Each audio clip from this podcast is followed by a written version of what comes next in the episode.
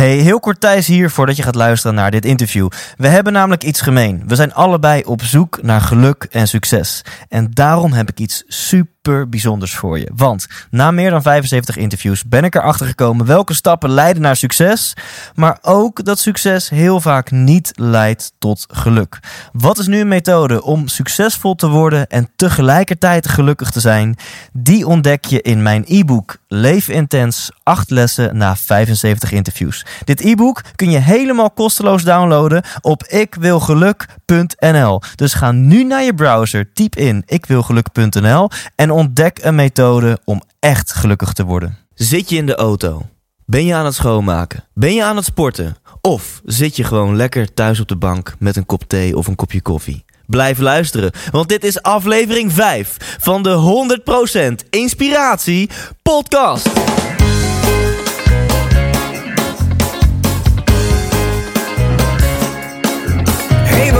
Dat je luistert. Hij staat weer voor je klaar. Je wekelijkse dosis inspiratie is weer daar. De allerleukste gasten geven al hun kennis prijs. Met je veel te blije host, hij praat je bij. Zijn naam is Thijs. Thijs,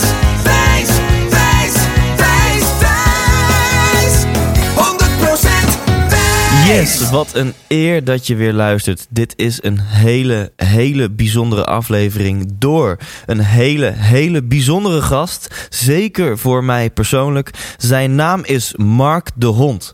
En mocht je het afvragen, ja, hij is zoon van. Zoon van Maurice. Je kent hem wel van de onderzoeken, de politieke peilingen, et cetera. Maar dat mag je meteen vergeten, want behalve dat Mark wat eh, goede grappen maakt over, eh, over zijn vader, heeft hij verder niet heel veel te maken met de business van Maurice de Hond. Dus laten we inzoomen op, op Mark. En weet je wat? Ik lees gewoon eventjes de achterkant van zijn boek voor, zijn boek Kracht. En dat, dat vertelt best wel veel. Mark is DJ bij 3FM, keeper van het eerste elftal van zijn voetbalclub en op zijn 22e op papier een van de jongste internetmiljonairs van Nederland. Alles zit mee, totdat de waarde van zijn aandelen in een paar maanden tijd in rook opgaat en er een tumor in zijn ruggenmerg wordt ontdekt. Met een riskante operatie wordt het gezwel succesvol verwijderd. De nacht daarna verzuimt de verantwoordelijke zuster de voorgeschreven controles uit te voeren. Een bloeding wordt daardoor over het hoofd gezien met desastreuze gevolgen. Als Mark de volgende ochtend wakker wordt, is hij vanaf zijn borst verlamd. Artsen vertellen hem dat hij nooit, nooit meer zal kunnen lopen. Boom. Wow, zo'n verhaal denk ik, oké. Ene moment ben je miljonair en eh 22 leven, eh de wereld staat voor je klaar. En het andere moment zijn je aandelen eh, niks meer waard en heb je door een medische blunder een dwarslezing. Wat ik extreem, extreem inspirerend vind aan Mark, is dat hij een theatershow is begonnen. Een inspirerende theatershow waarin hij deelt niet dat hij ehm, nog steeds gelukkig is. Ondanks een dwarslesie, maar waarin hij vertelt hoe hij gelukkig is, nog gelukkiger is geworden dankzij zijn dwarslesie. En dit raakt mij persoonlijk nog intenser, omdat ik zelf ook eh, inspirerend theater probeer te maken. Ik heb een theatershow waarin ik een beetje humor en een beetje inspiratie met elkaar afwissel. En ik vind het zo gaaf als mensen in staat zijn om een, om een verschrikkelijke gebeurtenis een positieve betekenis te geven. Ehm, daar gaat Mark veel over vertellen. En stiekem speelt Cameron Diaz een grote rol in dit gesprek. En ja, waarom? Daar moet je gewoon maar achter komen door verder te luisteren. Ehm, plus, eh, Mark deelt ook hoe is het om na vier jaar voor het eerst weer seks te hebben. Dus vier jaar na het, eh, het krijgen van de dwarslesie. En hij beantwoordt de vraag van, eh, van Remco Klaassen. En hij stelt een vraag aan Jos Burgers. Ja, ja, managementgoeroe Jos Burgers. Dat is het volgende slachtoffer van deze podcast. Ik hoop dat je dit je al geboeid heeft. Dat je heel benieuwd bent naar deze bijzondere, inspirerende man. Mark de Hond. Laten we hem aan het woord laten. 100% Thijs. Mark de Hond, super leuk dat ik jou mag interviewen voor de Homst Inspiratie podcast. Je doet ontzettend veel dingen. Een duizendpoot, ondernemer, spreker, theatermaker, presentator, officieel gecertificeerd slim mens. Hè? Begrijp ik uit die Q-test die je hebt Eh, hij staat daar. Ja. Eh, De trofee. ja, ja. Nationaal IQ heeft gewonnen, ja. precies. Ehm, wat vind je nou eigenlijk het aller, allerleukste om te doen? Want eh, ja, je bent zo veelzijdig.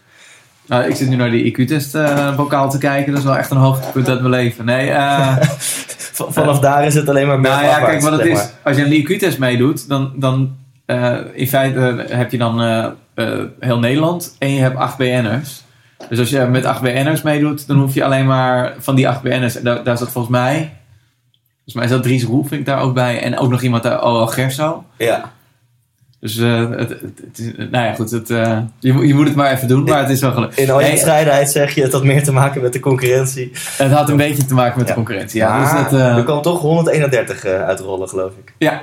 Ja, ja dan, nou ja, goed. Dat, ja, nou ja, dat is, dat is prima. Heel, Daar, heel gemakkelijk dit praten over je eigen intelligentie. volgens mij, ja, volgens mij, volgens mij is 131 niet eens super hoog hoor. Het is gewoon netjes denk ik. Maar goed, ja. Ik, vind, op, ja ik, ik vind altijd hetgeen waar ik nu het meest mee bezig ben, vind ik altijd het leukst. Dus dat is wel, dat is wel zo handig. En dat is op dit moment inderdaad heel veel theater. Dus daar, daar vermaak ik me wel mee. Ja, en om ja, hoe ben je daarbij gekomen? Want je zegt, nu doe ik theater. Ja. Uh, ik weet inmiddels een beetje wat je hiervoor hebt gedaan. Maar kan je daar eens wat over vertellen? Over de, de, de weg die jij hebt, uh, hebt afgelegd. En waarom je nu ineens voor hebt gekozen. Na de andere dingen die je hebt gedaan, laat ik het theater ingaan.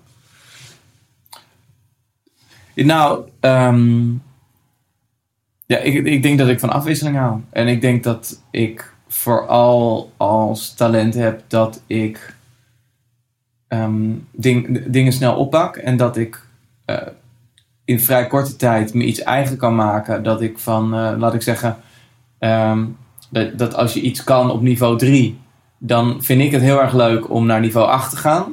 Ja. En ik vind als ik eenmaal op niveau 8 zit, dan is de dan is, ja, dan doe je er veel langer over om van 8 naar 10 te gaan. En dan is het verschil ook veel kleiner. Ja. Dus ik denk dat als ik dingen op een gegeven moment eenmaal beheers en op een hoog niveau heb, dan vind ik het niet meer zo'n uitdaging om dat te blijven doen.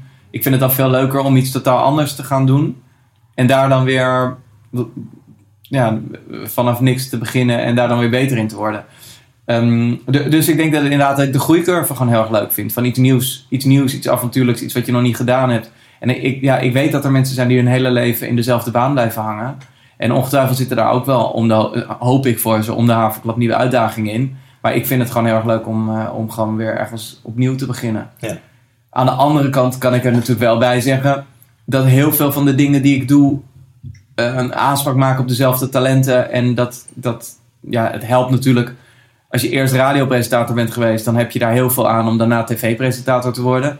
En als je, als je eenmaal tv gepresenteerd hebt, is vervolgens de stap naar theater. Het is natuurlijk niet uh, dat, je, dat je dan helemaal niks kan. Dat, dat je hiervoor accountant was? Nee, nee, het is inderdaad niet zo van dat ik, dat ik zeg ik ga volgend jaar ga ik opeens uh, nucleair uh, wetenschapper worden en het jaar daarna hersenchirurg. Nee. Het, het zijn allemaal dingen die bij elkaar in het verlengde liggen. Maar ik vind het wel leuk om, om in nieuwe werelden te komen. Want dat, ja, dan heb ik weer wat te ja. veroveren. Maar wat je ook doet, er zit dus een bepaalde bij jou een bepaalde mindset achter van je wil beter kunnen. Want dan zeg je, dan kan ik iets op het niveau 3 en dan wil je naar niveau 8. Ik vind het heel leuk om te leren. En ik vind het heel leuk om, om, om te voelen dat ik, dat ik beter word. En dat je gewoon kan, dat je gewoon kan zien. Gewoon, uh, want ik neem ook bijvoorbeeld qua theater. Ik, uh, ik, ik film ook veel om het later terug te kunnen kijken. En dat, je gewoon, dat ik gewoon zo gigantisch het verschil kan zien tussen hoe ik vorig jaar deze voorstelling deed en hoe ik hem nu doe. En uh, ja, dat is hartstikke leuk. En het is ook ontzettend leuk om gewoon een grote uitdaging te hebben. En het, is, het, is ook, het moet ook iets zijn dat, dat je motiveert om s ochtends uit je, uit je bed te komen om ergens aan te gaan werken. En als dat, eh, als dat in een soort sleur zit van, van iets, eh, of iets waarvan je weet, ja, ik kan dit wel. Het is juist leuk om, om iets in je agenda te hebben van volgend jaar ga ik iets doen waarvan ik vermoed dat het waarschijnlijk wel lukt. Ik weet het niet allemaal zeker. Maar dat dan, uh, ja, nou goed, dat motiveert me wel om kaart te gaan werken om te zorgen als ik niks, als ik niks doe, sta ik voor lul. Dat, ja, dus, dat ja, is, dus dat is vooral de motivatie. Dus, ja, dus een stok achter de deur. Dus als jij een beetje balanceert op, op, op dat randje van je comfortzone, zeg maar. Of er misschien gewoon volledig buiten gaat. Ja, het is in, inmiddels, eh, volgens mij als je 10 of 15 jaar geleden zei... je moet buiten je comfortzone stappen, dan was dat... dan kon je dat nog wel zeggen. En nu is het inderdaad... Uh, is dat een soort cliché wat iedereen zegt van ga buiten, je moet buiten je comfortzone. Maar het is, ja goed, clichés zijn natuurlijk... Uh, vaak clichés, omdat ze, omdat ze ook wel waar zijn. Want anders, anders ga je het niet zo vaak zeggen. Uh, ik vind het heel fijn om inderdaad eh, te weten dat iets spannend is. Als het niet spannend is, vind ik het eigenlijk niet zo boeiend. Als ik voor mezelf al volledig kan voorspellen hoe iets zal zijn. Dus dat ik al helemaal weet van nou, op basis van eerdere ervaringen kan ik precies voor me zien hoe het allemaal zal zijn. En eh, dat lukt allemaal wel en dan wordt het zo, zo en zo. Ja, als je het er helemaal voor je kan zien, dan, dan, dan, kan je, nou, dan, hoeft het voor mij eigenlijk al niet meer. Er Ja. moet een soort onzekerheid in zitten. Ja. En, eh, ja, en, en dan kan het. Je neemt het risico dat iets misschien niet lukt. Nou, dan lukt een keertje iets niet. Maar je neemt ook het. eh, je, je pakt ook de kans dat iets juist veel beter lukt dan dat je het je ooit zou kunnen voorstellen. En dat is de kit Ja. waar ik volgens mij voor ga. Dat, je, dat, je iets wil be- dat ik iets, graag iets wil bereiken wat, ehm, wat uitstijgt boven wat ik me nu kan voorstellen. Ja, ja want je, je kan zeg maar op safe spelen dat je 100% zeker weet dat je die 6 haalt volgend jaar. Of je kan het risico pakken, dan wordt het misschien een 4, maar misschien wordt het wel een 10. En heb je eh, jezelf gestretched en heb je weer iets bereikt waarvan je eens misschien wist dat je het kon bereiken. Ja, nou goed. Ja, in, in mijn theatervoorstelling heb ik het dan over een soort bucketlist die ik als kind had. Waar dan allemaal van die jongensfantasieën op stonden. En ik maak een beetje het geintje dat inmiddels van dat lijstje wat ik had toen ik 14 was, dat het enige wat nog niet gelukt is, is trouwen met Cameron Diaz. Dus dat, Ja. nou ja, maar wie weet. Precies. Ja, het, eh, Is het beschikbaar nu? geen idee. Ik, ben, ik ben zelf niet beschikbaar nu. Dus, dat, eh, dus misschien, eh, misschien dat we best kunnen accepteren dat één, één dingetje dan niet gelukt is. Ja. Maar de, maar de rest van, van de bucketlist is, is, is wel aardig gelukt. En eh, ehm, nou ja, goed, ja, dat, dat, dat is super gaaf. Maar het is, het is natuurlijk ook. ehm, als, ja, kijk. Eh, het ligt er natuurlijk ook aan van, eh, van, van, van je, je, mikt op iets. Om, je wil graag iets, eh, wil graag iets bereiken. Maar het is vervolgens weet ik ook van, ik, ik stel hele hoge doelen, maar ik weet dat ik die niet, dat ik die nooit 100% haal. Ik ben een soort perfectionist, maar wel eentje die weet dat uiteindelijk het niet realistisch is dat altijd alles perfect gaat. Ja. Dus dan moet je vervolgens moet je dan het resultaat, ja, dan moet je maar accepteren dat wat het dan is, is het dan. Ja. En ja, het ene is succesvoller dan het andere, maar je kan natuurlijk ook, je, je moet een succes naar buiten verkopen, maar nog belangrijker, je moet een seks- eh, succes naar jezelf verkopen. Je moet, je moet tegen jezelf kunnen zeggen van, nou, wat jij, je vertelde me net, eh, dat jij eh, zelf natuurlijk ook je theaterambities hebt. Ja. En het is je drie- inmiddels drie keer gelukt om voor een uitverkochte zaal te staan. Maar ja, dat zijn dan wel voor een groot gedeelte mensen die jij al, al, al kende. En vrienden en familie die je gecharterd hebt om daar naartoe te gaan. Iedereen Maar- wordt slachtoffer van mijn promotiecampagne, zeg maar. Ja, maar aan de andere kant, eh, ehm, het- is een eerste succes waar je trots op mag zijn. En er zijn natuurlijk miljoenen mensen die ervan dromen. Nou, misschien niet miljoenen mensen die ervan dromen in het theater te staan. Maar er zijn heel veel mensen die wel eens de fantasie hebben van hoe gaaf zou het zijn als ik dat een keer zou doen. En als het, als het je lukt om in een uitverkochte zaal te staan, ook al zijn dat in eerste instantie eh, vrienden en familie, dan is dat een eerste prestatie. En, en voor sommigen blijft het daarbij. En eh, misschien lukt het inderdaad op een gegeven moment wel om een uitverkochte zaal te hebben van mensen die je allemaal niet kent. Ja. En zo is het bij mij ook in het theater een beetje begonnen. Ik, ehm, ik had een TED-talk gehouden. Ja. En ik was altijd bang om het podium op te gaan. Want mijn veiligheid was radio. Dus eh, nou, zoals we nu een soort radiostudiootje hebben, was ik bij 3FM, deed ik radio. Maar ik, ik was altijd bang mijn tekst kwijt te raken. Maar gelukkig bij de radio ziet niemand dat je gewoon al je tekst voor je hebt liggen. ja, dus. Ik had, dus ik had gewoon allemaal, ja, mijn hele mengpaneel lag vol met aantekeningen. En ik had som, de grapjes zelfs uitgeschreven. Ja. En ik kon gewoon heel goed voorlezen. Dus mensen konden Ja, niet precies. Mensen Ja. konden niet horen dat ik, eh, dat als ik spontaan klonk, dat ik het eigenlijk aan het, eh, aan het voorlezen was. Eh, wij zitten hier nu ook gewoon een autocue voor te lezen. ja, dit is eigenlijk, dit hele gesprek is gescript. Dit is, eh, maar de, dus ik had altijd het idee, ja, het podium op, dat kan eigenlijk niet. Want als ik het podium op ga, moet ik het uit mijn hoofd doen. En dan vind ik het spannend met een zaal erbij. En dan krijg ik een blackout. Of ik ben, eh, ik ben bang dat ik een grapje maak en dat die mensen dan niet lachen. En dat ik dat dan ook al heel confronterend vind. Dus ik ging eigenlijk het liefst het podium niet op.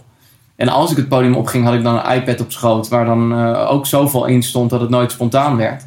En toen werd ik gevraagd om een TED-talk te houden voor TEDx Amsterdam 2012. En dat zou dan voor een volle stad Schouwburg zijn. Moest in het Engels, moest in 10 minuten en het moest uit mijn hoofd.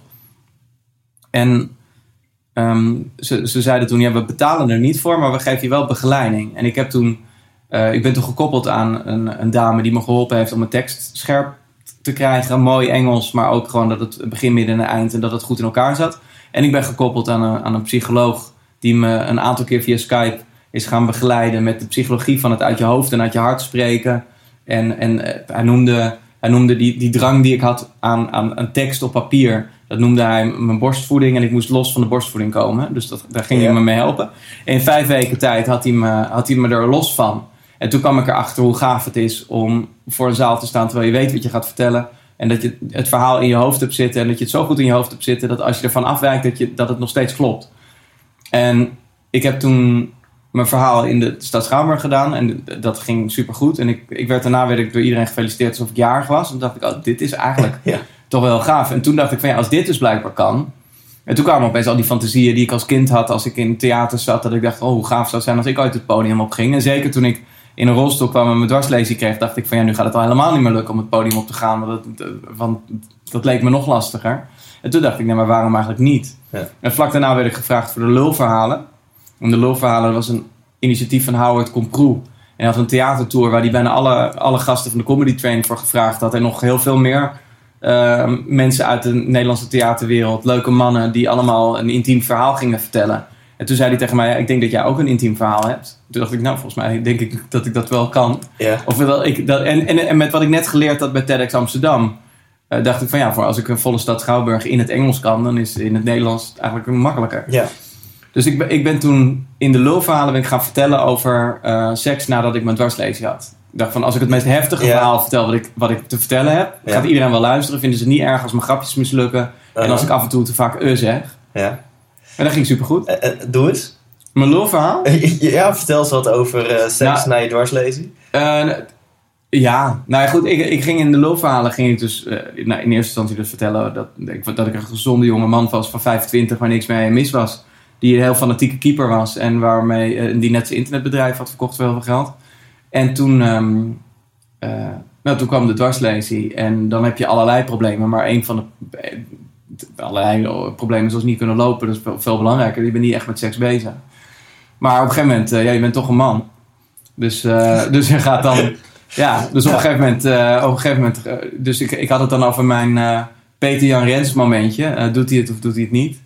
En dat was, dat was denk ik ja, vier maanden nadat het gebeurd was. In de eerste periode was ik niet met seks bezig. Ja. werd niet, ik was niet heel geil. ik werd niet geil van lang. situatie. Ja. Nee, dus maar op een gegeven moment ga je dat dan proberen. En dat, dan vertel ik over eh, een avond. Dat was een donderdagavond, want dat weet ik nog. Want toen had je, had je nog op SBS 6 had je van die, van die eh, soft porno films. Eh, Ja. echt heel soft, hè? Dus, daar, daar moest je het mee doen in die tijd. ja, hè? dus je mocht blij zijn Ja. als er ergens nog een randje schaamhaar in beeld ja, was. ja, als je net een tape in beeld kreeg, Ja, dan, was maar het was 2003, hè? toen hadden mensen nog schaamhaar. Dus, Ja, dus, dus ik zat toen, ehm, ik, ik was dat aan het kijken en ehm, nou ja, de, ik weet niet of het aan de, ik weet het niet of het de opwinding in mijn hoofd was of dat het een reflex was op wat mijn handen deden, maar er ontstond net genoeg om mee te werken. Dus, dus, dus ik was, ehm, dus ik was bezig en terwijl ik bezig was, moest ik denken aan een verhaal wat ik ooit gehoord had van een student. Het was een verhaal van een student die was op zijn, was op zijn hand gaan zitten en ik was zo lang op zijn hand gaan zitten. Dat, er geen, eh, dat hij geen gevoel meer in zijn hand had. Was de doorbloeding was helemaal afgekneld, dus hij had helemaal geen gevoel meer in zijn hand. En als hij dan ging aftrekken, dan leek het net eh, alsof iemand anders dat bij hem deed. Ja. En bij mij was het precies andersom. Ik had wel gevoel in mijn hand, maar niet in mijn piemel. Waardoor het de hele tijd leek alsof ik een of andere andere gast aan het aftrekken was. Nou ja, zo kon ik het ongeveer in Ja. verhalen. Ja. ja. Dus, eh, oké. dus, eh, en dan liet ik dit verhaal liet ik nog door een meisje uit het publiek voorlezen. Dan deed ik alsof ik dit niet durfde te vertellen. En dan vroeg ik aan een meisje uit het publiek, leukste Oké. meisje op de eerste rij, vroeg ik om dit verhaal eh, voor me voor te lezen. Ja, dus, je, dus jij komt het podium op, je, ziet, je zoekt het leukste, mooiste meisje uit van de eerste rij, geeft haar dit verhaal. Ja, die, die, eh, ja, en toen zei ik van, eh, ja, mijn moeder zit in de zaal, ik durf dit nu niet. Dus, Prachtig. en dan las zij dit voor. Ja. Maar goed, dat deed ik dus bij de loopverhalen. En uiteindelijk vertel ik dus ook over, over de date 4. Dus ik heb de eerste, de eerste vier jaar dat ik mijn dwarslezing had, had ik geen orgasme gehad. En dan eindigt mijn, mijn verhaal eindigt met een date die ik had vier jaar later. En dat was het met een eigenwijs meisje die opeens met eh Durex Play massageolie eh, zich ging uitleven. En, eh, en dan was er op een gegeven moment het moment dat ik dacht van of ik moet nu plassen of er gaat iets heel bijzonders gebeuren. En dat ik bang was dat ik, dat ik er dan recht in haar gezicht zou plassen.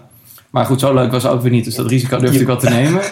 Nou ja, dus nou goed, dat soort verhalen. Dat, dat waren- is je huidige vriendin? Nee, dat is mijn Nee, huidige vriendin. Dus, maar de... ehm, eh, nee, nou goed, dus, dus dat waren de lulverhalen. En dat, dat verhaal ging zo goed. Eh, dat, eh, dat, dat, nou ja, ten eerste elke avond optreden met allemaal eh, gasten. Zoals Hans Sibbel of Sylvester Zwanenveld of Ali B. Vincent Bijlo. Allemaal mensen waar ik ontzettend veel van kon leren. Ja. En die ook allemaal aangaven van dat ze vonden dat ik het ook wel goed deed. Howard Comprou, de initiatiefnemer. En toen, toen zei- zeiden ze, waarom doe je het niet zelf? Waarom ga je niet in je eentje het- het theater? En toen, nou, als jullie denken dat ik dat kan. Nou, en toen, toen zei ik, nou, het zou gaaf zijn als, het, als er vijf theaters zouden zijn die mijn voorstelling willen. Ja. Dan doe ik het. En het werden er, nou, uiteindelijk vijftig. En dat, uiteindelijk zelfs nog wel meer. Zo. En eh, dus dat is zo'n uit de hand gelopen eh, droom. En, en eh, hoe begon het dan met, met theaters een brief schrijven? Ik ben Mark de Hond. En Nee. als jullie mij willen boeken eh, en nog vier anderen, dan wil ik wel een show Nee, schrijven. nee, nee, nee, nee de vier, an, oh, vier andere theaters. Nee, wat er gebeurde, de, de, impre- het impresariaat van, eh, van de lulverhalen. Dus je had het, ehm, eh, de, het impresariaat had de lulverhalen boekt. Dat is Ja. gewoon, die, die, hun, hun werk is gewoon theatervoorstellingen eh, boeken. Ja. En ik heb een trailer gemaakt van wat ik eh, in het theater kon. Dus, eh, dus ik heb een stukje van, scher, eh, van, eh, van de lulverhalen laten zien. Ik had een plannetje voor waar de voorstelling dan over zou gaan. Want Scherverbrengen Geluk gaat over hoe ik weer gelukkig ben geworden nadat ik mijn dwarslezing kreeg. En toen eh, is dat impresariaat is gewoon eh, langs alle theaters gegaan en heeft aan de theater eigenaren of de, of de boekers die bij die theaters dan be- bepalen deze voorstelling boeken we wel en deze voorstelling niet. Mijn, mijn boek gegeven. Dus ik heb 2008 een boek geschreven. Dus ze hebben dat boek gegeven, de trailer laten zien. En vervolgens eh, was er ook nog een hele, hele lieve videoboodschap van Hans Sibbel van Lebbes. Die zei dat hij mij heel goed vond. En op basis daarvan zijn, zijn die theaters gaan zeggen van nou laat maar komen. En toen waren er eerst 20 theaters waar ik naartoe ben gegaan. Eh, en toen dat goed ging, toen zijn na de zomerstop zijn er nog eh 30 geweest. Wat gaaf. Ja, dus ik heb echt een fantastisch jaar gehad. En nu, nu ben ik aan het schrijven voor, voor de volgende. En vanavond weer spelen. Dus je, je tour is nog steeds bezig met scherven. Ja, de tour was eigenlijk een beetje afgelopen. Dus ik zou eigenlijk tot december zou ik toeren. Maar er waren een paar theaters die me toch nog wel wilden hebben. Of vroegen of ik het in maart ook nog wilde doen. En er was ook nog één theater waarvan de verbouwing mislukt was. Dus die vroegen of ik... eh, die zeiden dat het theater nog niet klaar was. Of, dus die hebben het verplaatst naar nu. Dus ik heb nu de komende weken... Ik ben, eigenlijk ben ik klaar. En eh, eh, eh, ben ik eigenlijk klaar met de voorstelling. Maar ik ga het toch nog een paar keer doen. Ja. En ik ben in de tussentijd ben ik de nieuwe aan het maken. Dus dit wordt... eh, dit is, eh, je bent de eerste Ik die het ziet. nu een preview van de Nou ja, dit is toevallig nu mijn screensaver, eh, omdat ik, eh, dit is mijn inspiratie op dit moment. Eh, dit, dit, wordt, dit is de eerste schets voor de poster voor de nieuwe voorstelling. En eh, dus, daar, eh, dus daar ben ik mee bezig. Die gaat dan in 2017 eh, de theaters in. Fantastisch. Voordat we ingaan op die tweede show, want ik ben heel benieuwd hoe je dat doet. Een, een tweede show schrijven, ga maar zitten en schrijven. Maar nog even over de, de, de eerste show, die heet Scherven Brengen Geluk. Ja, daar ga je de uitdaging aan om zowel te entertainen, dus grappig te zijn, maar ook mensen een stukje te raken, om te inspireren. Kun je daar eens wat over vertellen? Ehm, nou kijk, wat belangrijk, wat belangrijk is, is ik, ik moest vervolgens toen ik het theater inging, moest ik natuurlijk ook wel ontdekken van, van wat ben ik nou? Ben ik een comedian? Ben ik een verhalenverteller? Ben ik iemand die één ding heeft meegemaakt en als hij daarover vertelt? Dus het is een beetje, eh, het is dan een beetje zoeken van, eh, van welke vorm is het en welke inhoud is het. En, en ik, ben er, ik ben er voor mezelf een beetje achter gekomen, of dat, dat denk ik, dat, eh, dat ik het allemaal een beetje kan. Dus, eh, dus volgens mij moet je mij niet anderhalf uur alleen maar grappen laten vertellen, maar ik kan wel grappen vertellen. En volgens mij ehm, eh, heb ik ook een inhoudelijk verhaal, maar als ik dat alleen maar doe, is het misschien net iets te saai. Ja. Dus wat ik leuk vond, is ik, ik heb een jaar ben ik, ben ik, een jaar ben ik gaan schrijven, maar ik ben ook langs heel veel theatervoorstellingen van anderen geweest die ik goed vind. Ja. En ik ben van al die mensen gewoon gaan kijken, wat zou ik kunnen meenemen? Wat vind ik interessant? Dus ik ben, ik ben voor mezelf gaan definiëren van, ehm, nou ja, wie ben ik in het theater en wie wil ik zijn? Wat vind ik leuk om te doen? Dat is natuurlijk ook heel belangrijk, want ik moet natuurlijk wel dat ook 60, 70 keer kunnen volhouden. Ja. En ik heb, ik heb een voorstelling gezien van Diederik van Vleuten. En Diederik van Vleuten was altijd met eh, Erik van Muiswinkel heel erg grappig. Maar Diederik van Vleuten heeft voor zichzelf bedacht... ik wil mooie verhalen vertellen en dat kan ook best met een lagere grapdichtheid. Dus die vertelt twee uur lang fantastische verhalen over de Tweede Wereldoorlog... en over de Eer- Eerste Wereldoorlog. Hele mooie voorstellingen. Dus ik dacht, oké, dat is fijn. Je mag, je mag in het theater ook, ook geen grappen maken. Ja. Dat kan gewoon. Eh, dus dat vond ik heel mooi om te zien. Ik ben bij Ali B geweest. En Ali B die praat heel veel met de zaal. Die is eh, continu met de zaal aan het praten. Dus die heeft geen vierde, vierde, vierde muur, heet dat dan? Ja. Vierde wand. Ja. Eh, dus die praat er de hele tijd doorheen. Dus die is gewoon de hele tijd met mensen aan het praten. En, en die verandert zijn verhaal daar ook, daar ook op. Dus, die, dus dat vond ik ook heel gaaf. Misschien kan ik dat ook wel.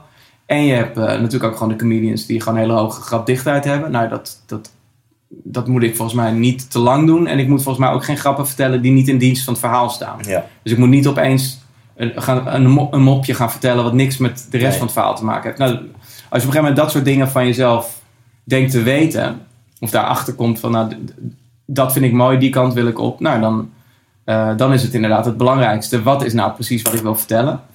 En dat heb ik, eh, da- dan, dan heb ik uiteindelijk aan de lulverhalen ook mijn regisseur Sylvester Zwaneveld overgehouden. Een hele goede cabaretier, die en heel grappig is, maar ook heel goed inhoudelijk. Plus ook eh, een, eh, multimediaal op het podium ook gewoon kan denken in, in wat kan je nog meer met scherm en afbeeldingen Ja. en dat soort dingen. En met hem hebben we, heb ik vooral heel veel gepraat over wat is nou de essentie van het verhaal. Welk verhaal wil ik nou vertellen? En hij heeft me toen uitgedaagd van... Misschien moet je niet een verhaal vertellen over hoe je gelukkig bent geworden ondanks je dwarslesie. Maar misschien moet je juist een verhaal gaan vertellen hoe je gelukkig bent geworden dankzij je dwarslesie. Dan, als jij opkomt in het theater en jij vertelt tegen mensen... Hallo, ik ga jullie vanavond vertellen dat ik een dwarslesie heb gekregen. En dat heeft me zoveel geluk gebracht. Dan luisteren ze wel Dan heb je aandacht. dan heb je aandacht. En, ehm, eh, en eh, dat, le- dat lijkt me. Ik vind dat je dat alleen kan doen als je uiteindelijk het ook waarmaakt. Als je ook uiteindelijk een verhaal kan vertellen waarbij ik. Nou ja, en, nou goed, ik denk dat dat wel gelukt is. Dus ik denk dat eh, Scherven brengen geluk is natuurlijk ook weer een beetje een cliché-titel. Maar het is wel letterlijk Ja. eh, het verhaal van hoe de scherven mij geluk hebben gebracht.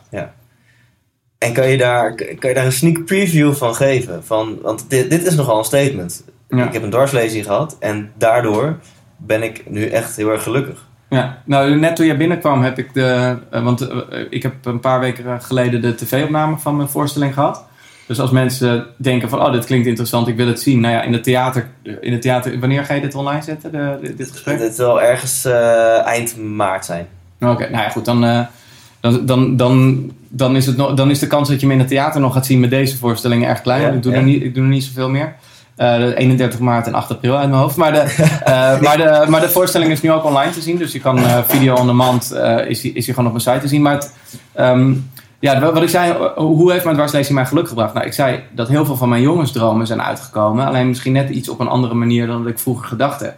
Maar ik wilde altijd al theater in, maar mijn probleem was, ik had niks te vertellen. Ik zei, dan ga ik het podium op, maar wat heb ik nou te vertellen? En mijn dwarslezing heeft mij een bijzonder verhaal cadeau gegeven. Dus het feit dat ik in het theater ben, is, is, is wel dankzij mijn dwarslezing. Ik heb altijd al een boek willen schrijven, dat stond ook op mijn bucketlist vroeger. Had ik hetzelfde probleem mee. Wel, welk, welk verhaal heb ik te vertellen Ja. wa- wat een boek waardig is? Nou, dat verhaal eh, is... eh, eh, nou goed, ik melk mijn dwarslezing dus aardig uit wat dat betreft. Maar, de, maar ook dat verhaal ik van Ja. dwarslezing cadeau Ja. gekregen. En ik had vroeger ook altijd als droom om in het Nederlands elftal te spelen. Ik was voetbalkeeper en ik was heel goed. Ja. Maar niet zo goed dat ik ooit in het Nederlands elftal zou komen. Maar dat is wel mijn droom. En ehm, eh, het Nederlands elftal is niet gelukt, maar ik wilde in Oranje spelen. En toen ik mijn dwarslezing kreeg, toen heb ik, het, eh, heb ik natuurlijk moeten stoppen met voetbal. Ja. En na een tijdje ben ik gaan rolstoelbasketballen. En met het, ehm, met het Nederlands rolstoelbasketbalteam ben ik uiteindelijk wel de hele wereld over gevlogen. En eh, heb ik een aantal jaren als topsporter mogen leven, wat, wat ook een jongensboek is. Prachtig. Nou, en dit zijn allemaal dingen. Kijk, uiteindelijk, je kan natuurlijk ook zeggen van, joh, als je die dwarslezing niet had gehad, had je er ook heus wel een leuk leven van gemaakt. Dat had je, ik had zonder dwarslezing had ik het ook wel overleefd waarschijnlijk. Eh, maar kijk, uiteindelijk is het zo. Het gaat niet om de, om, het gaat niet per se om je omstandigheden, maar het gaat erom hoe je kiest om er tegenaan te kijken. Ja. En dat, nou, dat is de, eh, dat, dat is de boodschap van de voorstelling, maar dat is ook denk ik ook wel echt wat mijn, mijn kracht is. Dat ik, eh, ik denk dat ik goed ben in verhalen verkopen aan anderen, maar het is natuurlijk ook gewoon verhalen verkopen aan jezelf. Je moet jezelf, eh, mensen zijn heel goed in staat om zichzelf dingen wijs te maken. Ja. En uiteindelijk is natuurlijk, er zijn natuurlijk ook mensen die gewoon zichzelf wijsmaken dat God bestaat. En daar hebben, daar hebben ze vervolgens ook heel veel steun aan. En dan zou je kunnen zeggen, ja, misschien bestaat God, maar de- misschien bestaat hij wel niet. Maar misschien is de kracht juist dat je, dat je zo je kan inbeelden dat hij bestaat, dat je daar steun uit haalt. Nou goed, eh, ik, ehm, eh, ik, ik ben niet zo goed dat ik van mezelf een, God kan fabriceren. Ik ben wel Joods, maar ehm, eh, ik vind het een mooie traditie, maar ik kan geen letterlijke God zien. Maar ik zie wel de kracht van jezelf dingen wijs maken. En als ik mezelf dingen wijs kan maken. Kijk, eh, ik zou niemand aanbevelen om een dwarslezing te krijgen. Eh, voorkom het, probeer het niet te Ja. doen. Maar als je hem eenmaal hebt, probeer. Dan is volgens mij het het handigste als je er de positieve kanten van kan inzien. Ja. Je kan, er zijn ook mensen die heel goed zijn om er continu de negatieve kanten van in te zien. Maar dan is je leven een beetje voorbij. Oh, ja, en dat, dat vind ik zo mooi aan. Want je, uiteraard had jij ook een gelukkig leven als je geen dwarslesie had gehad. Want er zit een bepaalde mindset in jou. Dat, dat jij eh, eh, altijd kijkt naar het positieve. Of dat jij in staat bent om aan welke gebeurtenis dan ook. toch nog een positieve kant te zien. Of een positieve betekenis aan te geven. Ja, nou ja, goed. Dat is denk ik. eh, dat, dat is een, voor een groot gedeelte een talent en een cadeautje. Ja, Eh, ik heb zelf het vermoeden dat het een cadeautje van mijn opa en oma is. Want ik, zowel genetisch stam ik van mijn opa en oma af. Plus dat ik gewoon heel veel bij hun ben geweest. Dat waren gewoon mijn grote voorbeelden vroeger. En dat waren Joodse mensen die, die alles kwijt zijn geraakt in de holocaust. En die ondanks dat hele positieve, optimistische mensen waren. zo. Dus het, het kan dan bijna niet anders als je, als je van die mensen afstamt. En ook nog eens een keer voor, voor een groot gedeelte door ze bent opgevoed zoals ik. Ja. Eh, dat, daar, ehm, nou, dat, daar wel wat van, dat ik daar wel wat van heb overgenomen. En ik, daarom wil ik ook mijn tweede voorstelling het verhaal van mijn opa gaan vertellen. Omdat ik denk dat dat, dat ook een heel bijzonder verhaal is. En dat dat ook, als mensen aan mij vragen van hoe komt het dat jij zo bent. Dan denk ik dat mijn opa en oma daar wel voor een groot gedeelte het antwoord op zijn. Maar ik ben er zelf ook wel van overtuigd dat iedereen dat voor een gedeelte in zich heeft. Want als je iets verder denkt, ik stam, dan, ik stam af van mensen die optimisten waren. Maar het kan niet anders dan dat wij allemaal voor een groot gedeelte afstammen van mensen die optimisten zijn. Want het, eh, wij leven natuurlijk pas de afgelopen 50, misschien 100 jaar in deze geweldige omstandigheden. Dat, we, dat wij zo veilig, rijk, mooi eh, leven hebben. Maar tot 100 jaar geleden was voor de meeste mensen op aarde, dus ook onze voorouders, was leven natuurlijk één grote eh, afzien met uitdagingen die Ja. wij ons nu niet kunnen voorstellen. Als, als, als nu de wifi er een, een dag afgaat, zijn we aan het klagen.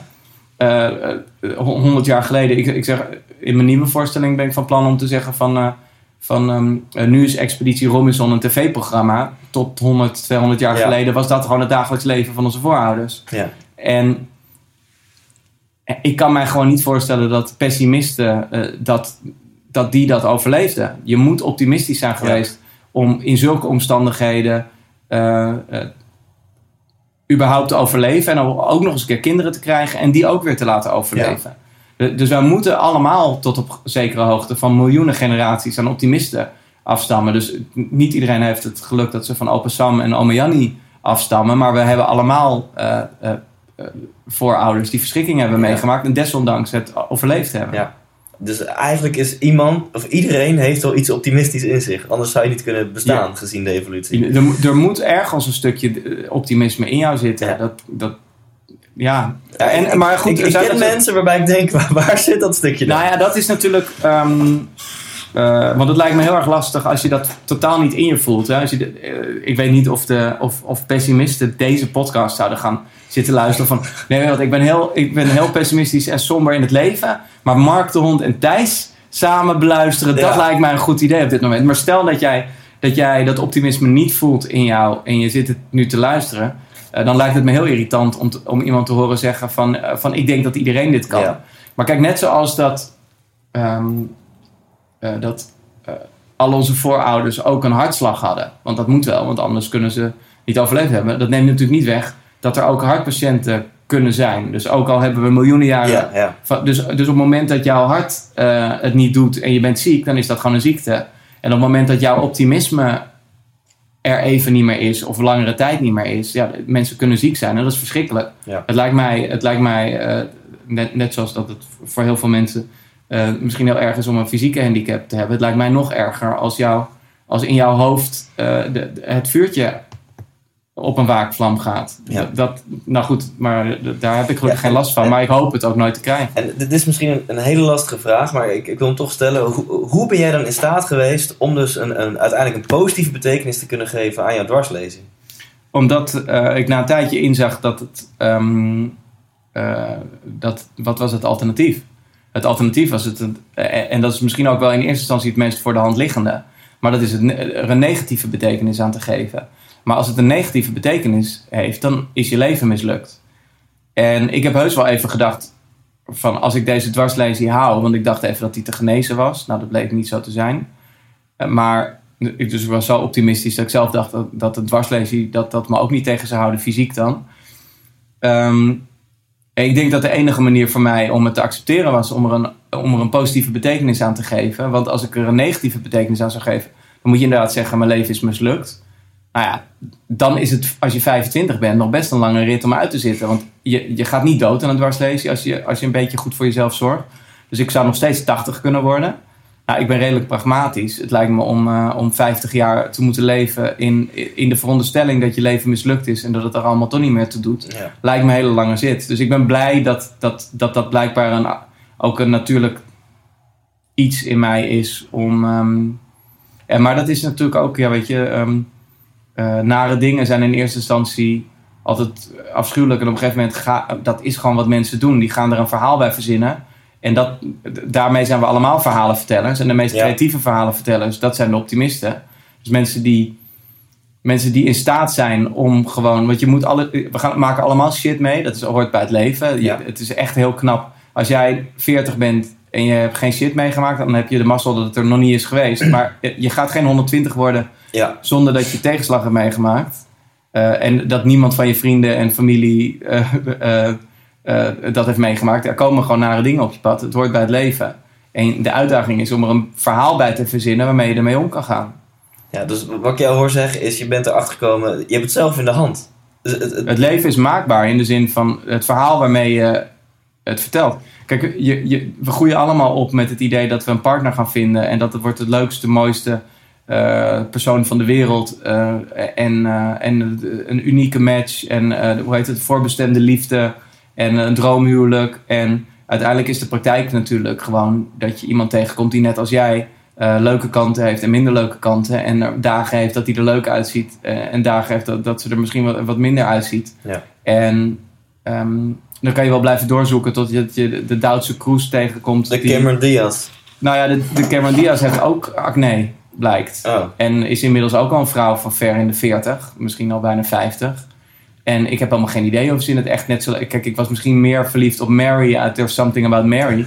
Of Cameron Diaz echt zo leuk is, eh, eh, weet ik eigenlijk niet. maar als ze zich in die rol, zeg maar, vormt, dan is het nog steeds wel jouw droomvrouw. Ja, alleen ik denk dat ik meerdere, eh, meerdere droomvrouwen heb. En uiteindelijk kan je blijven zoeken totdat je, totdat je iemand tegenkomt waar, waar je nooit één seconde iets negatiefs mee hebt of wat dan ook. Maar misschien is het een stuk makkelijker om gewoon iemand tegen te komen waarmee je het gewoon fijn hebt. Ja. En de kanten die je misschien wat minder vindt, dat je, dat je gewoon voor jezelf het verhaal erbij verzint. Nou ja, en dat verhaal kan ook zijn van ja, de- de- ik denk dat zelfs als ik met Cameron Diaz samen zou zijn, dat, ik, dat daar ook ergernissen en, en praktische ongemakken en vervelende dingen aan zouden zijn. En misschien gaat dat ook op een gegeven Ja, moment maar vervelen. misschien scheidt zij wel met de, met de deur open, weet je wel. Dan, eh, Ja, ik zie dat nu dus voor me.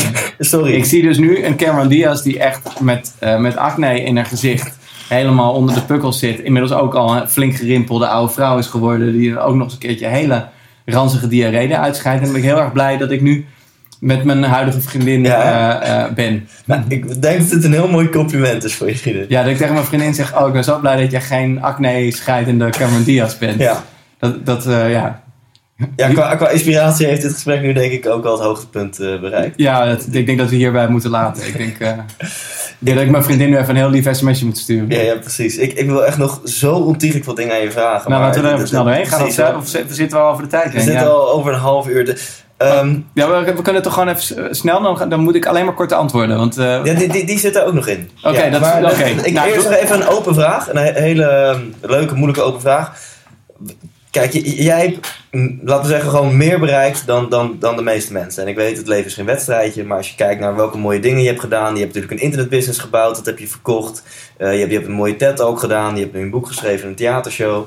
En, ehm, en je hebt het vooral naar je zin. Dat is het allerbelangrijkste. Dat is wat mij betreft een definitie van succes. Dat je het naar je zin hebt. Dat je een twinkeling in Ja, je nou- ogen hebt als je over je werk praat. Ehm, nu naar de vraag. ja. Er zitten heel veel mensen die denken, ja, ja mijn leven is misschien een zesje. Niet, niet echt naar mijn zin, eh, mijn werk. Maar wat, wat zou jij die mensen willen adviseren? Kunnen Nou, ik zou ze ten eerste als troost kunnen, kunnen bieden dat het feit dat ik allemaal leuke dingen gedaan heb, dat ik daar, behalve af en toe misschien leuke herinneringen, dat ik daar nu eigenlijk ook niet zoveel meer aan heb. Ik, ik, ik moet natuurlijk ook, eh, ik moet vooral om gelukkig te zijn, dingen in mijn agenda hebben staan waar ik me op verheug. Ja, En nou is het natuurlijk wel zo dat hoe meer gave dingen je in het verleden hebt gedaan, hoe groter de kans is dat je ook gevraagd wordt voor gave dingen in de toekomst. Dus het helpt wel. Maar het is dus, eh, ik zit net zoals andere mensen die denken: ik heb niks leuks in mijn agenda staan, zit ik met hetzelfde probleem. Ik moet mijn agenda ook vol krijgen met leuke dingen om me op te verheugen. Nou, nou goed, er, komt er een nieuw theaterprogramma en een verhuizing naar een nieuw huis. En, eh, eh, en ik ga nog naar de Paralympische Spelen toe. Eh, dus, eh, je, je ziet ook echt een Ja, daar kan big smile op je ja, ik, ik, ik, ben, ik, er komt nog een kinderboekje van me uit. Dus het, is, het, wordt, het wordt een erg leuk jaar voor me. Dus ik, eh, eh, maar de- de- hiermee heb ik natuurlijk die mensen nog helemaal niet geholpen. Die zeggen van... Nou kijk, ehm, eh, als er echt dingen zijn waarvan je denkt van ja, dat heb ik altijd al gewild. Maar het is er gewoon niet van gekomen. Ehm, ja, ik zou niet weten wat er belangrijker is dan, dan die dingen. En je kan, je kan vervolgens je kan de lat heel erg hoog leggen en zeggen... eh, Nou, laten we zeggen, als je ambitie altijd eh, al een keer geweest is om het, om het theater in te gaan... dan kan je wel zeggen, ik wil mijn eigen theatertour. Maar je kan natuurlijk ook gewoon voor jezelf zeggen van... van ik zou het dan een enorme overwinning vinden... als ik ergens een keer op een open podium vijf minuten een verhaal vertel... eh, en, en hoe dat dan gaat, verder gaat het. Maar ik wil dat gewoon een keer meegemaakt hebben. Ja. Ehm, dus je kan, je, ik denk dat je gewoon vooral de lat heel laag moet leggen. Je hoeft niet meteen je baan op te zeggen eh, om, om, een- om een nieuw avontuur te gaan. Je hoeft niet meteen je relatie te verbreken. Je hoeft niet meteen je huis te verkopen. Je, ho- je hoeft niet meteen te emigreren. Je kan natuurlijk gewoon kijken van welke droom heb ik altijd al gehad. Hoe kan ik die droom terugbrengen tot, tot in zijn kleinste praktische vorm, zodat ik een klein stukje van die droom eh, ga meemaken. En vervolgens zou, eh, net zoals dat bij mij mijn theateravontuur is begonnen met één TED-talk, waar ik een maand tijd in heb gestopt. En meer was het niet. Ja. En, ehm, en als, als het daarbij was gebleven, was het ook prima geweest. Dan had ik in ieder geval, nou heb ik één keer in de stad Schouwburg gestaan. Dat is ook, ook fantastisch. Ja. En daar is wel meer van gekomen. Ehm, dus ik zou inderdaad zeggen van breng, breng die hele grote droom terug tot het kleinste praktische dingetje. En, en, en wees er ook gewoon tevreden en trots op als je dat kleine dingetje bereikt. Maar ook eh, tevreden of trots op als je dat kleine dingetje hebt geprobeerd Ja. en het lukt niet. Dus dat boek wat je altijd had willen schrijven, schrijf het. Wordt het vervolgens niet uitgegeven of alleen maar door tien vrienden gelezen. Eh, wees er trots op dat je dat, eh, dat je dat gedaan hebt. Kijk, het leven is inderdaad geen wedstrijd. En ik heb wel eens bedacht van, van ja, als het...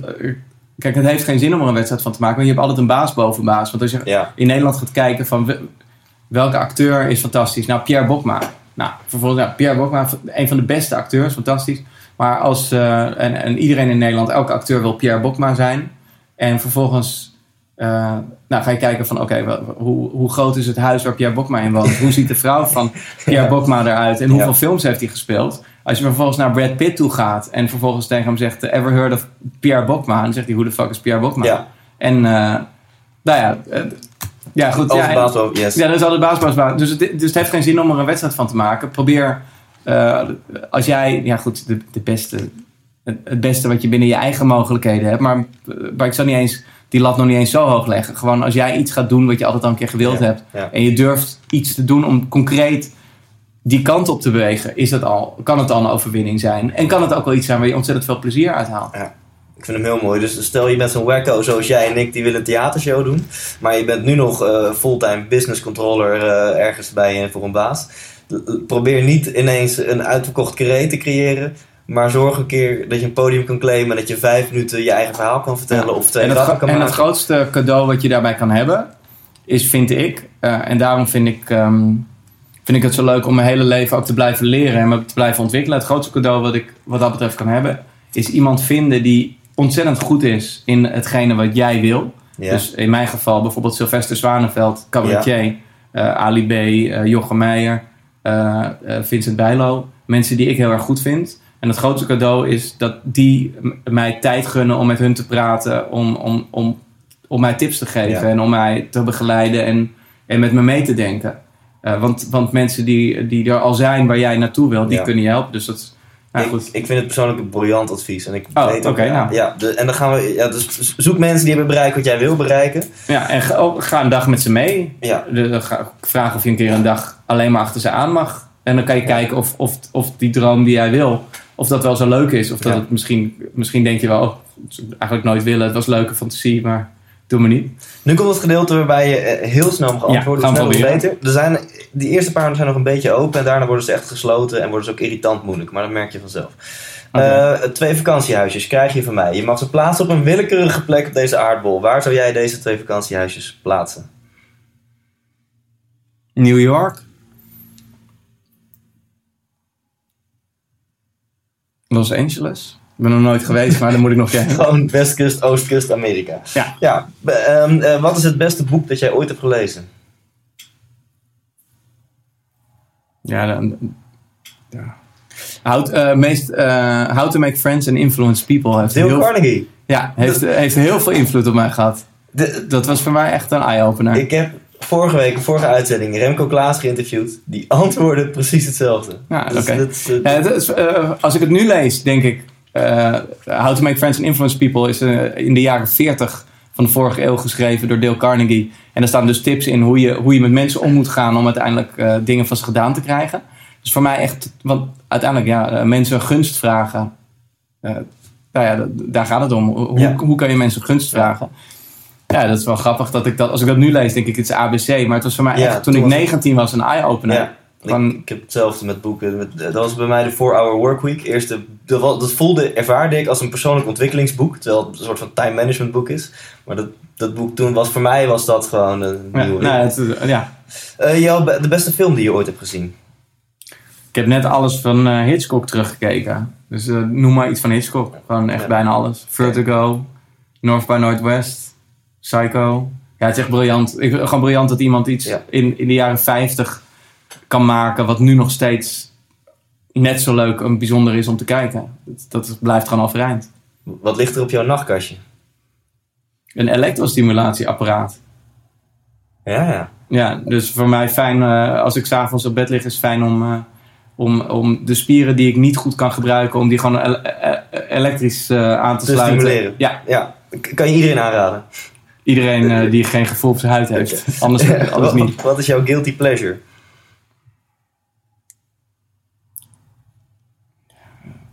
Ik heb eh, de liedjes van Soldaat van Oranje heb ik op mijn, op mijn telefoon staan en die eh, zing ik in de auto wel eens mee. Heel hard, heel vals mee. Nou, dat- Zuiver. nee, niet zuiver. Dus, maar niet heel vals, maar wel vals. Wat is je favoriete auto? Ik vind Tesla wel heel eh, bijzonder. Dat, dus de, dat hoop ik wel dat, dat ze. Ik hoop dat ze binnenkort ook met een model komen wat voor mij geschikt is. En Ja. dan eh, zou ik ooit wel een Tesla willen. Misschien kun je die Model X laten ombouwen. Dus een beetje een SUV-achtige. Ja, ik, eh, eh, dat gaat wel een keer ge- gebeuren, denk Ja. ik. Deze vrouw, ja, ik weet het antwoord denk ik al. Deze vrouw schop ik niet uit mijn bed. Puntje, puntje, puntje. Ja. Nou ja. Cameron, if you hear this, I'm sorry about all the things I said about the pimples in your face and the, and the, and the shitting with the open door, but it was all Thijs, Thijs uh, his mistake. Ik, ik, ik zorg ervoor dat deze boodschap bij haar terecht Ja, komt. Oké, nu komt het, het spannende gedeelte. Eh, zo snel mogelijk vanuit je onderbuik of waar bij jou ook het gevoel zit, eh, eh, ehm, eh, antwoorden. Ochtend of nacht? Nacht. Bestuurder of passagier? Bestuurder. Groene smoothie of Engels ontbijt? Groene smoothie. Naakt of pyjama? Naakt. Kamperen of all-inclusive? All inclusive. Klassieke muziek of death metal? Allebei, eh, allebei gaat dat niet lukken. Nee. Oh, gaat niet lukken, oké. Nee. Eh, nooit meer seks of nooit meer muziek? Nooit meer seks.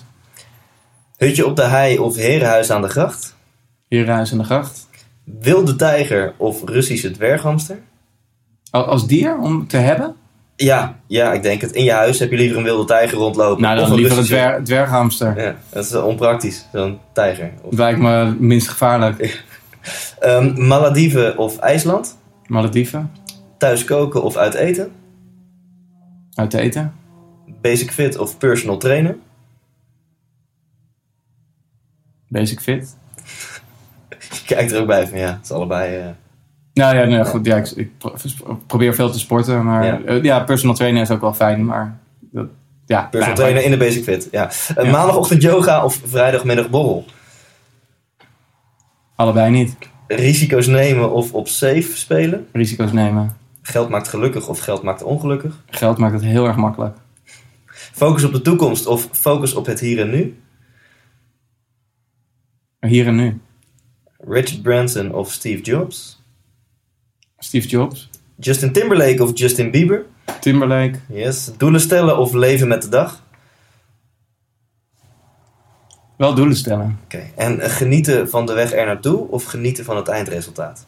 Genieten van de weg er naartoe. Het eindresultaat heb ik geen reet aan. Oké.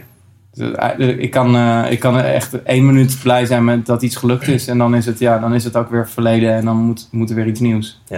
Het is ook heel vermoeiend hoor. Het zou heel fijn zijn om op mijn lauren te rusten. Maar ja, ik, ik, moet, ja, ik denk als ik iets bereikt heb, denk ik ook een keer, oké, fijn. Maar wel kut, want nu moet ik weer iets overtreffen. Als je continu doelen stelt, niet geniet van de weg er naartoe en dan ergens bent en dan weer nieuwe doelen stelt en weer niet gaat genieten van de weg daar naartoe, dan is je lege, leven een soort van lege huls, volgens mij. Nou ja, dan ben je in een red race natuurlijk. Maar er zitten heel veel mensen in, denk ik. Ja, en die hebben, die hebben een hele mooie wapenfeit, een hele mooie cv, een hele mooie Wikipedia-pagina, maar die genieten misschien niet. eh. Ja. ja, maar ik denk, kijk, het is natuurlijk niet zo, het is helemaal niet zo zwart-wit, want het, het lukt niemand om het allemaal perfect te doen. Dus eh, ik zal ook wel eens dagen zijn dat ik niet geniet van de weg er naartoe. En er zal ook wel eens een keer zijn dat ik mijn doelen niet duidelijk stel. En ik zal ook wel eens tijd verkwisten. Ik heb altijd het idee dat ik tijd aan het verkwisten ben. Dus het dat is ook weer van, eh, er zijn zoveel dingen die, Ja. ik, die ik wil doen op een dag. En eh, het, de, de management software die wordt steeds beter om, om je takenlijstjes bij te houden. En dan wordt het steeds inzichtelijker welke dingen ik eigenlijk had willen doen, die, waar ik dan weer niet aan toe ben gekomen en zo. Dus het is. eh, eh, nou ja, goed. eh, het, niemand, ik vind het altijd zo mooi dat we altijd doen alsof succesvolle mensen het ook allemaal perfect doen. Iedereen heeft volgens mij altijd wel momenten het gevoel dat hij er een potje van Ja. maakt. En dan, dan sukkelen we wel weer naar de volgende. Ik, ik weet nog gewoon dat ik, dat ik als 18-jarig jochie werkte ik bij een ingenieursbureau. Dat was helemaal niet zo'n heel groot bedrijf, iets van 100 man. En toen zat ik een keer met mijn directeur in de auto. En toen, ik had hem zo hoog zitten. Ik denk van, hij is succesvol, hij kan alles. En vroeg ik aan hem, ja, maar heb jij dan niet wel eens dat je, dat je eigenlijk had voorgenomen om s'avonds iets te doen, maar dat je vervolgens toch voor de buis hangt? En ja, natuurlijk zei hij ja, maar ik dacht inderdaad, oh hij is directeur, hij is succesvol, hij is perfect. En eh, hij, eh, Nou ja, iedereen, ieder, iedereen heeft. Kijk, dat moet je natuurlijk ook gewoon zien te accepteren. Eh, Op het moment dat je je eigen tekortkomingen kan accepteren. En dan kan je vervolgens kijken van kan ik er iets aan doen? Of is dat gewoon zo? Hoort dat gewoon bij mij? Maar ik, ik denk dat je heel erg vermoeiend bent op het moment dat je gaat proberen om, om, om, om perfectie na te streven. En ik ben, ik ben gelukkig ben ik een eh, perfectionist met perfectionistische ambities. Maar ik kan het op een gegeven moment ook wel loslaten dat het me toch nooit lukt. Ja.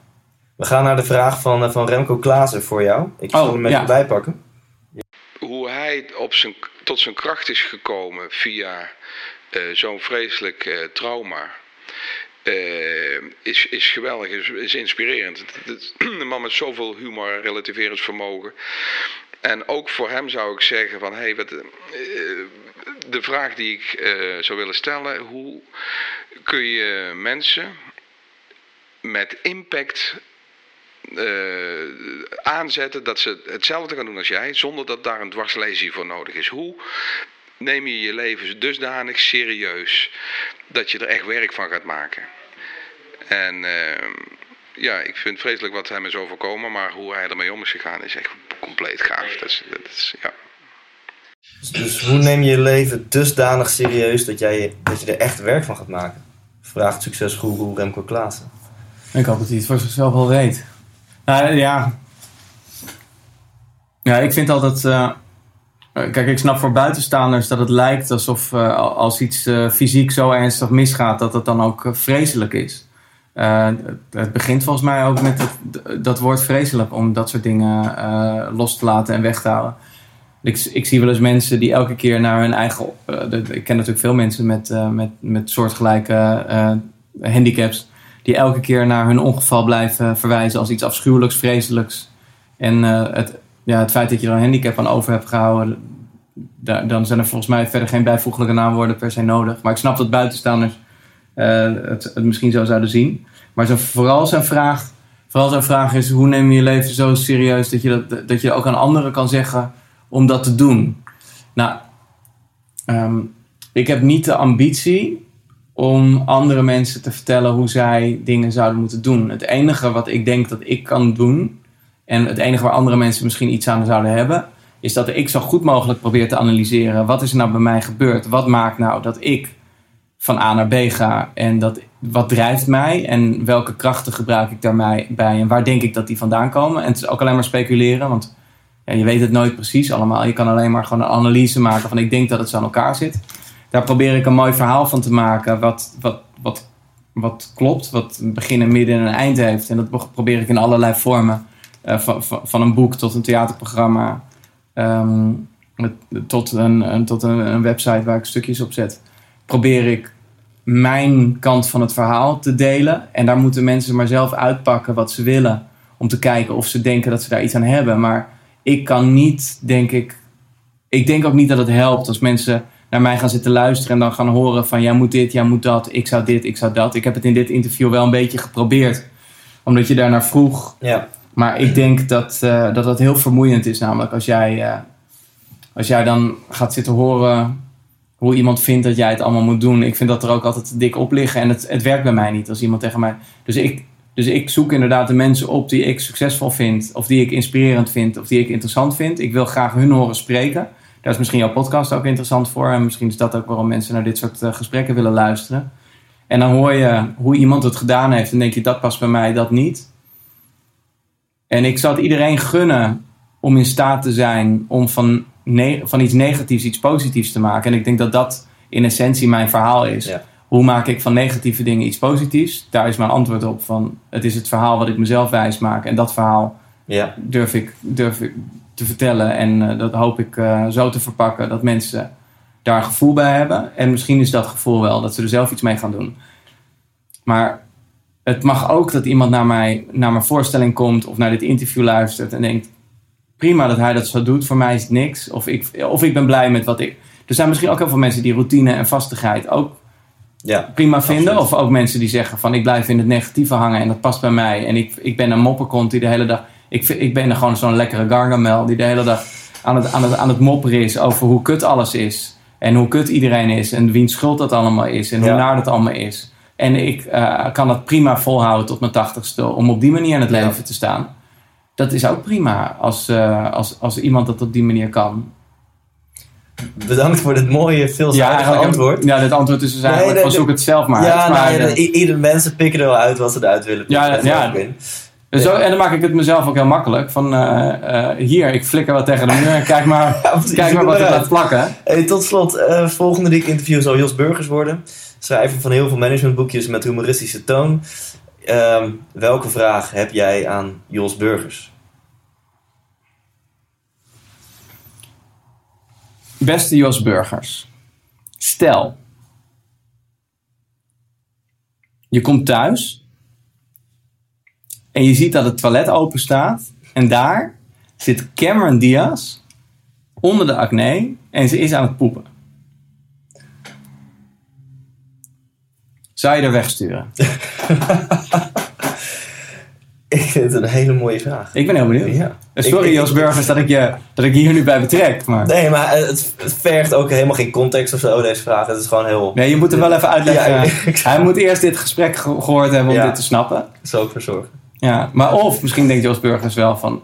Hoe weet Mark dat ik dat gevoel heb bij Cameron Diaz? Of dat, dat ik dat soort fantasieën heb over Cameron Diaz. Ja, dat zou kunnen. Ja. Mark, hartstikke bedankt voor het gesprek. 100% wijs! Yes, dat was het interview van mij met Mark de Hond. Zowel tijdens het interview als later bij het terugluisteren heb ik echt doodstil zitten luisteren. Ik vind het zo'n bijzonder verhaal. Ik hoop dat het een aantal van de, de dingen in jouw leven in perspectief Of nog meer dat, dat je gaat nadenken van... hé, hey, hoe kan ik een andere betekenis geven aan bepaalde dingen in mijn leven? Smaakte dit naar meer? Wil je dit nog even terugluisteren of wil je dit teruglezen? Dat kan op thijslindhout.nl.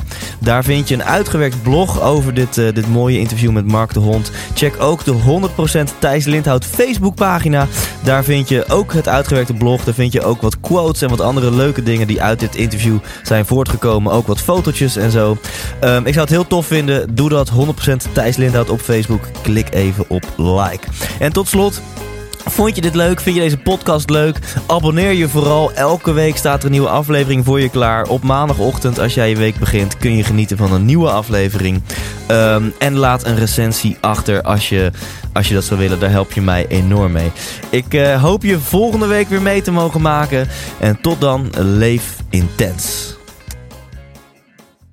Hey, Thijs hier nog even heel kort. Als je dit interview hebt geluisterd, dan ben je net zo'n gelukstijgertje als ik. En dan is er maar één ding wat je nu het allerbeste kunt doen. Namelijk gaan naar ikwilgeluk.nl, want daar download je helemaal kosteloos mijn e-book en ontdek je wat wel en niet gelukkig maakt. Oftewel, bespaar jezelf een hele hoop ellende van het zelf proberen uit te vogelen en ga nu naar ikwilgeluk.nl.